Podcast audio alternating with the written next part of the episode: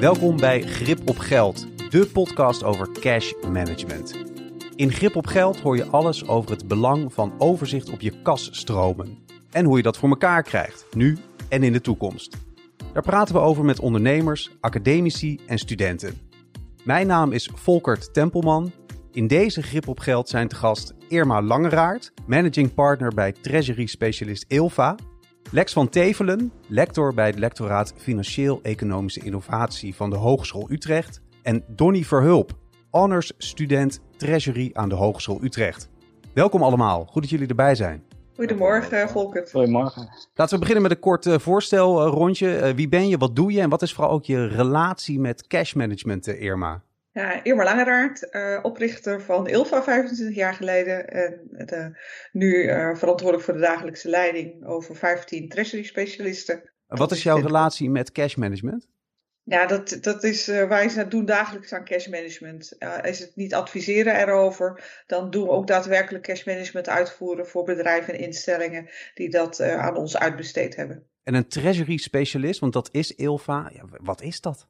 Dat is een, uh, een specialist binnen de financiële domein van bedrijven die heel gericht vooruit kijkt. Wat de uitdagingen zijn op het gebied van financiering, eventueel valuta, renteperikelen. Zorg dat je continu zicht hebt op hoe gaat het geld door de organisatie lopen en waar ontstaan er eventueel uitdagingen. En het allerbelangrijkste van Treasury is, is dat je die uitdagingen heel vroeg signaleert, zodat je tijd hebt om te repareren. Ik zeg altijd, treasury is niet bedoeld om de markt te verslaan, hè, want de dollar kun je toch niet beïnvloeden. Maar het gaat erom dat je op tijd signaleert dat de dollar een beweging maakt die voor jou echt extreem onhandig is. Lex, dat moet jou echt als muziek in de oren klinken. Jij bent lector bij het lectoraat Financieel-Economische Innovatie. Dit is jouw vakgebied. Ja, deels. We hebben meer dan 20 onderzoekers ondertussen alweer. En we houden ons bezig met het midden- en kleinbedrijf. En de financiering is daar een hele belangrijke onderdeel bij.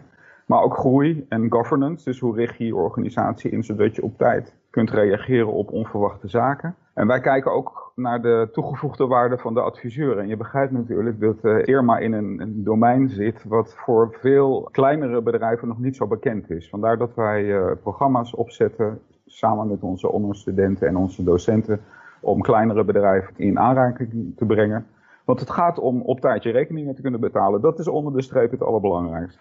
Ja, die uh, Treasury Scrum waar jij nu al op doelt, gaan we het zo over hebben. Maar je legt ook al meteen een heel mooi bruggetje naar Donny. Donny Verhulp, jij bent honors student. Wat, wat, is dat dan? Ben jij gewoon heel goed in wat jij doet? Ja, in principe is dat, uh, het honors is een gedeelte naast de opleiding dat je nog extra inzet toont voor je vakgebied. Dus dat je ook ja, de Treasury Scrum als extra project doet naast Tenminste, dat was geen extra project, dat zat wel in de opleiding. Maar dat doe je dan als uh, leiderschap dat je een studententeam bijvoorbeeld aanstuurt. En dan ook het aanspreekpunt bent van ILVA, van docent en de studenten. Met deze podcast, dat is wel belangrijk om te weten, willen we ook laten zien dat samenwerking tussen theorie en praktijk erg mooie resultaten oplevert.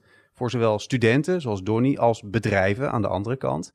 Door onderzoek en onderwijs goed aan te sluiten op de praktijk, wordt het steeds maatschappelijk relevanter. Een mooi voorbeeld daarvan is dus de Treasury Scrum van de Hogeschool Utrecht en Treasury Specialist Ilva. Irma, over die Treasury Scrum, wat is dat precies? De Treasury Scrum is een, uh, is een aanpak die wij binnen Ilva bedacht hebben om heel snel en heel efficiënt te kunnen starten met cash management binnen een bedrijf ondernemers die hebben het al heel druk, normaal gesproken. Nu in corona, brexit, bankenlandschap wat verandert, komt er zoveel op hun af. Dat je natuurlijk helemaal niet zit te wachten op een, op een theoretische verkenningsfase. Dus wij hebben een scrum bedacht waarin we een aantal hele korte sessies heel snel samen met de ondernemer alle informatie verzamelen die relevant is. En direct daarvanuit een gewoon visueel een beeld creëren. Wat, wat gaat dat betekenen voor de toekomst? En daar heel eenvoudig scenario's op kunnen draaien. Uh, dat is de Treasury Scrum. Een ander heel groot voordeel aan dit traject is, wat Lex enorm gaat aanspreken, is op het moment dat je heel goed grip, zeker zicht op die geldstromen hebt, dat een financier veel meer bereid zal zijn om jou te financieren, ondanks alle onzekerheden die nu spelen. Omdat voor die bank geldt hetzelfde eigenlijk als voor de ondernemer. Op het moment dat jij gewoon je rekening kan blijven betalen, aantoonbaar, zullen zij gewoon ook bereid zijn om door te financieren, dan wel eventueel ook extra ruimte te bieden. De kern van het hele verhaal is het hebben van een ongelooflijk goede liquiditeitsprognose. En een liquiditeitsprognose, dat is geen momentopname, dat is geen foto, zeggen wij, maar dat is een film. Een liquiditeitsprognose moet je eigenlijk, afhankelijk van hoe groot je bent, elke dag, elke week of elke maand updaten. En dat is eh, cash management. Heel gericht, continu blijven kijken, waar komt het geld vandaan, waar moet het naartoe, Mhm. past mijn liquiditeitsprognose nog bij de werkelijkheid en wat voor mogelijke incidenten zitten er in, in die geldstromen. Ja, echt een stappenplan, hè, denk ik dat je daarbij eh, moet hebben. Hoe belangrijk is zo'n stappenplan, zo'n helder stappenplan, eh, Lex? Ja, het ligt een beetje aan wat voor een bedrijf je hebt. Hè. Dus bijvoorbeeld ben jij een, een bedrijf, heb je een kledingwinkel, dan weet je dat je seizoensinvloeden hebt. En je weet ook dat je bepaalde inkoopmomenten hebt. En als jij op de inkoopmomenten geen voldoende kasgeld hebt, dan krijg je geen korting. Dan betaal je gewoon de hoofdprijs. Of moet je naar de bank om geld te lenen of een andere financier. En banken zijn niet meer bereid om dat in de mode te doen. Hè? Want dat is Mhm. een kwetsbare groep. Dat, eh, dat heeft een bepaalde code waar- waarbij ze zeggen van nou dat vinden wij een groep die heeft een te hoog risico. We zijn daar niet zeker van. Ja en eh, zeg maar eh, elke keer dat jij na- naar een partij toe moet om geld te vragen en jij kan niet laten zien dat jij je financiële zaak op orde hebt. Hè? Dus een overzicht over je kaststromen naar de toekomst. Niet naar het verleden, maar naar de toekomst toe krijg je nul op het request. En dan betaal je dus, eh, dan moet je naar een partij gaan die je 15 of 20 of 25 procent rente vraagt in plaats Ja. van 4. Nou, dat, dat, dat, dat maakt nog wel een verschil. Donnie, jij hebt echt eh, met, die, met die bedrijven in die scrum gezeten. Hè? Heb jij misschien een voorbeeld van tegen wat voor situaties zo'n bedrijf aanloopt, waarbij ze dus hulp nodig hebben in hun cash management om grip op hun geld te krijgen? Ja, tenminste, wij hadden dus één bedrijf die echt, eh, ja, die had de geldstromen wel in hun hoofd zitten, maar wat minder in een Excel-bestand staan. Dus ja, als je dan naar de bank gaat of eh, een financieringsaanvraag nodig hebt, dan is het gewoon noodzakelijk om het echt aantoonbaar te maken dat je op bepaalde momenten geld nodig hebt, maar dat je dat ook kan blijven betalen. En als je dat op, eh, in een Excel-bestand bijvoorbeeld hebt staan en later eventueel in een eh, tabelletje en grafiek kan aantonen van joh, ik kan al die eh, betalingscondities gewoon terugbetalen. Ja, Ja. dat is voor een bedrijf gewoon eh, goud waard op dit moment. Ja, sorry dat ik even op mag inhaken, want Donnie geeft het voorbeeld van Excel. En ja, dat is voor ons treasurers is dat enerzijds een droom, maar anderzijds is dat een drama. Want met Excel maak je dus die foto. En wat wij heel belangrijk vinden, is dat je dus een film ervan maakt. En daar is Excel gewoon veel minder voor geschikt. Dus het is heel belangrijk dat als je als bedrijf echt heel kritisch met je geldstroom wil omgaan, dat je toch een afscheid neemt van je Excel-sheet en zorgt dat je daar een handzame tool onder legt, die ervoor zorgt dat de data die, die zo cruciaal is om die, om die film draaiende te houden, dat je die ook wel in goede databases hebt zitten en dat je die op een goede manier kunt behandelen. Ja, dat, dat klinkt heel logisch, maar ik denk dat het ook voor heel veel ondernemers zo is van... Oh nee, dan moet ik afscheid nemen van mijn Excel-sheet. Hoe ga ik Ja. dat aanpakken? Wat, wat zou jouw meest makkelijke voorbeeld zijn, Irma, daarvoor? Nou ja, daar is met name ook die Treasury Scrum dan vervolgens voor bedoeld. Hè. Het is heel prima om een eerste opzet in Excel te maken. Hè. Eh, nogmaals, hè, wij treasurers zijn ook dol op Excel. Maar daarna moet je heel snel naar een situatie toe waar je gewoon die film heel efficiënt kunt gaan onderhouden. En dat je ook eh, zorgt dat je eigenlijk automatisch aan een aantal ehm, bronnen, databronnen, zoals bijvoorbeeld die electronic banking systeem, dat je daar automatisch aan gekoppeld bent. Dan ben je ook minder afhankelijk van of iemand wel of geen tijd heeft gehad op enig moment om die, shell, om die Excel sheet bij te werken. Onze ervaring is, is dat als, je, als het heel druk is binnen het bedrijf, is dat het eerste wat erbij inschiet. Hè, wel, ach ja, het zag er goed uit vorige week, dus laat maar een keer liggen. Ja, Totdat je dan op een gegeven moment echt een, een incident hebt en denkt, oh, hè, ik ben helemaal niet bij. Ik heb geen, eh, hè. Dus zorg dat het repeteerproces, dat je dat automatiseert. En er zijn er heel veel ondernemers die denken, ja, maar dan moet ik een heel duur pakket naar binnen rijden. En ja dat, is, ook wat ik meteen denk. Ja. Ja. ja, dat is dus waar de, waar de Treasury Scrum het vervolg daarop, dat wij daar gewoon hele makkelijke abonnementsvormen voor hebben. Dus wij hebben zo'n heel duur systeem staan. Wij richten dat dan zo in dat je per bedrijf daar alleen maar uitgebruikt wat je nodig hebt. Lex, in Ja. hoeverre kan je dit, eh, zoals eh, we dat vroeger allemaal deden als ondernemers, als een schoenendoos met al je bonnetjes zo over de Mhm. schutting gooien bij je accountant? Ja, weet je, dan kijk je terug hè. Dus als, met bonnetjes kijk je terug. En dat, is wat we nou net niet willen. We willen vooruitkijken. En eh, ik moet zeggen, gewoon in de meeste boekhoudsystemen zit natuurlijk ook de mogelijkheid om een liquiditeitsprognose te maken. Alleen het gebeurt niet zo vaak. En je moet echt goed in die sector zitten om te begrijpen waar de problemen kunnen ontstaan. Bijvoorbeeld als ik in meerdere landen onderneem of uh, in, buitenland, in het buitenland mijn inkopen moet doen, dan moet ik natuurlijk ook rekening houden met de verschillen in de koersen die kunnen ontstaan tussen de verschillende munten. Maar de laatste anderhalf, twee jaar begint de Europese Unie steeds assertiever te zijn. Dus het kan zomaar zijn dat China zegt van we leveren niet meer aan Europa, want die heeft een te grote mond over de Oeigoeren. Nou, dat risico moet je wel in beeld hebben.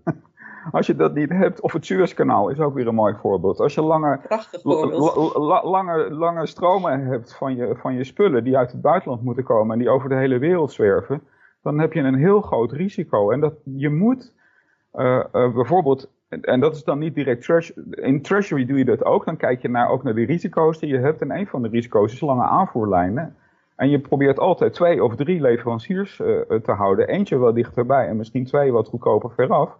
Maar je moet snel kunnen overschakelen. Ja, en met de chips zien we dat nu ook. Hè? Er zijn geen chips. Een heleboel fabrieken liggen stil.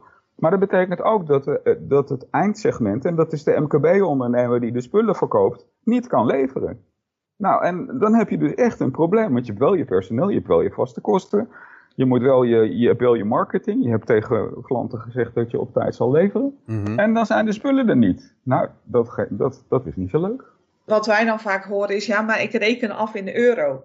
Alsof dat die tegenpartij die bijvoorbeeld de Singapore, Singapore dollar als, als, als de thuis, uh, thuisvaluta heeft, niet bij zijn prijsstelling dan rekening mee houdt dat die, dat die koers verandert. Of zelfs verandert uh, nog terwijl jij die kleren nog aan het bestellen bent. En met name zeilende voorraad, hè, waar, waar Lex ook refereert, ja, dat is gewoon echt wel heel erg spannend. Want zelfs als jij bij wijze van spreken dan uh, je valuta gehatcht hebt, hè, zoals wij dat dan met een duur woord noemen, dus dat risico uit de boeken gebracht hebt. En, die, en die, in dat schip ligt gewoon een week of twee weken achter, uh, achter dat Suezkanaal dan is jouw hedge bij wijze van spreken erop gericht dat jij per 1 april die spullen zou hebben. En, uh, en uh, ja, die moet je dan dus wel op tijd doorschuiven. Hè? Dus je moet je doorrollen, noemen wij dat. Om ervoor te zorgen dat je hedge ook wel je goederen blijft volgen. En wij zien te vaak dat er dus dan de, de, koppeling op een gegeven moment niet meer is. Dus, dus, dat, je, dat een bedrijf een heel ordeboek heeft met allerlei zeilende voorraad. Die wel op en niet op tijd is en allerlei dingen mee gebeurt.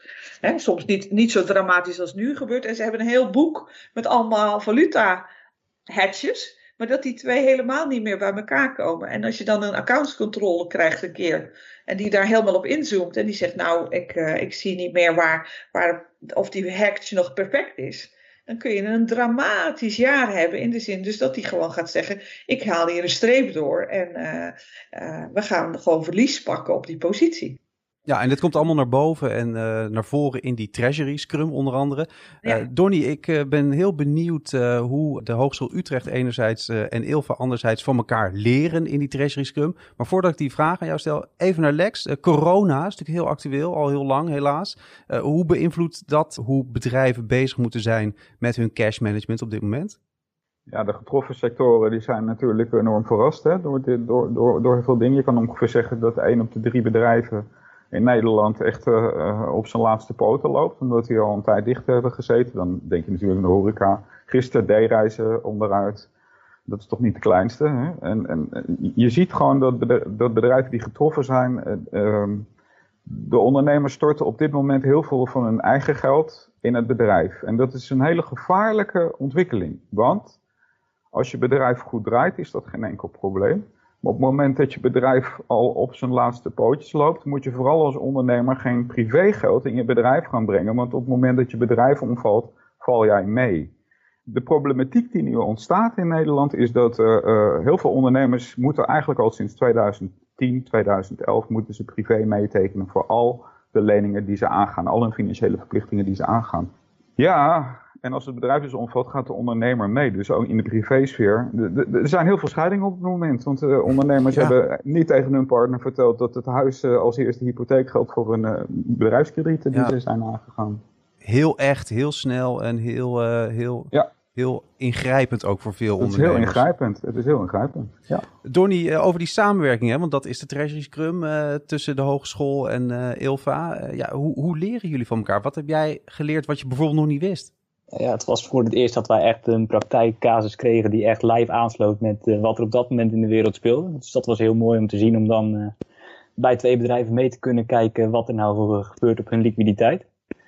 En ja, ik denk dat voor een ILVA ook van belang is dat je ook met uh, nieuwe lichting studenten in contact komt. Met mogelijke nieuwe inzichten op andere nieuwe ideeën om ja, de treasury verder te helpen.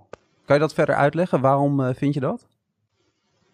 Kijk, je hebt trashers die al uh, jaren ervaring hebben, die misschien in eenzelfde patroon denken. En als studenten dan als redelijk leek binnenkomen in de treasury, dan uh, ja, kunnen ze van alles bedenken. Bijvoorbeeld, wij hadden dan voor een bedrijf die zit zowel in Nederland als in het buitenland. Dus dan zou je snel een vertaling kunnen maken tussen een Nederlandse versie en een Engelse versie, dat die gewoon heel makkelijk te lezen is. En zulke soort ideeën, ook vanuit de opleiding, dat wij dat gewoon kunnen realiseren in bijvoorbeeld een uh, Excel-bestand waar ik net al naar refereerde. Ja. En heel snel om kan schakelen voor uh, financieringsaanvragen voor zowel in het Nederland als in het buitenland. Jij vertegenwoordigt hier ook echt de nieuwe lichting, hè? de nieuwe lichting uh, mensen, professionals die hiermee mee bezig is. Hoe kijkt die nieuwe lichting financials aan tegen de toekomst? Ik denk dat Treasury ja, redelijk vaak onbekend is bij de nieuwe lichting ook nog zeker bij ons. En dan, ja, ja zulke projecten is dan uh, mooi om echt te zien wat je er echt ook mee kan. Vaak in de opleiding heb je toch wel, waar Lex ook net zei, dat je vaak achteraf kijkt. Je kijkt naar fictieve cijfers. Je ziet niet echt wat er in de wereld precies gebeurt. Ja, zo'n project is dan zeker wel, uh, die zorgt er wel voor dat je meer herkenning en erkenning krijgt voor het vak uh, treasury.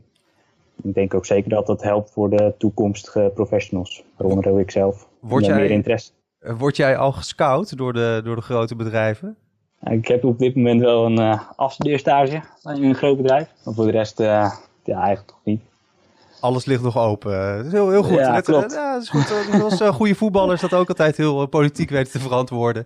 Het kan nog alle kanten op. Andersom, Irma, ben ik ook wel benieuwd naar. ja, wat, wat leert Ilva nou van de hogeschool in zo'n samenwerking?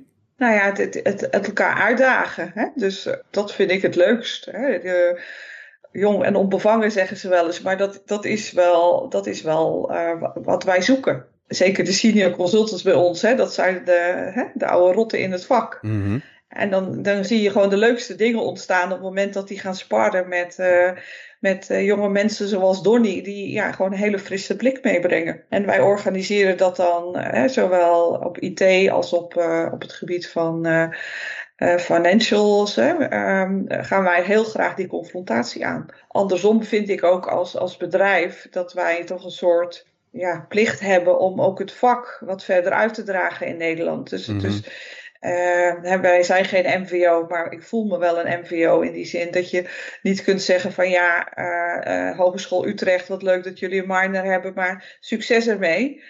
wij gaan echt heel gericht elk jaar weer kijken wat kunnen we samen organiseren zodat wij als ELFA uitgedaagd worden. Andersom, de studenten echt gewoon hele relevante casussen krijgen om zich er vast te bijten. Maar ook gewoon zorgen dat die, dat die olievlek langzaam maar zeker ook een beetje zich verspreidt. Hè? Want het leuke is dat wij nu contact hebben met onderstudenten van vier, vijf jaar geleden. Want zo lang doen wij dit al met de Hogeschool Utrecht. Hè? Business uh, lab sessions dat je daar nu weer contact mee hebt. En dat die als het, als het ware ook een soort het woord verkondigen weer. Dat treasury gewoon toch een heel belangrijke discipline is. Die verder uitgedragen moet worden. We lopen tegen het einde van de podcast. Uh, Lex, voordat we afsluiten, uh, we willen grip op geld. Cash management is belangrijk. Wat wil jij nog vooral de luisteraars meegeven? Nou, wij vinden het als uh, Hogeschool Utrecht belangrijk dat we ondernemers hiermee in aanraking brengen. Zoals Ilva het belangrijk vindt om hun, hun, kennis over te dragen, vinden wij het belangrijk om het midden- en kleinbedrijf hiermee in aanraking te brengen en ons onderwijs open te stellen voor bedrijven. Dus als er bedrijven zijn die zeggen, goh, dit is leuk. Wij willen uh, volgend jaar best meedoen, want wij hebben elk jaar natuurlijk een, uh, een grote club studenten beschikbaar. Dan kunnen ze zij zich opgeven en dan uh, wil niet meteen zeggen dat ze mee kunnen doen, want we moeten natuurlijk wel even met elkaar in gesprek of dat lukt allemaal. Maar uh, het is wel een uitnodiging naar het midden- en kleinbedrijf om van deze kennis gebruik te maken. Tot zover deze Grip op Geld, de podcast over cash management. Je kan je aanmelden voor de Treasury Scrum via de website www.gripopgeld.org. Daar vind je alle informatie. Te gast waren Irma Langeraard, managing partner bij Treasury specialist Ilva. Lex van Tevelen, lector bij het lectoraat Financieel-Economische Innovatie van de Hogeschool Utrecht. En Donny Verhulp, honors student Treasury aan de Hogeschool Utrecht. Dit was hem voor nu. Bedankt voor het luisteren. Tot de volgende keer bij Grip op Geld.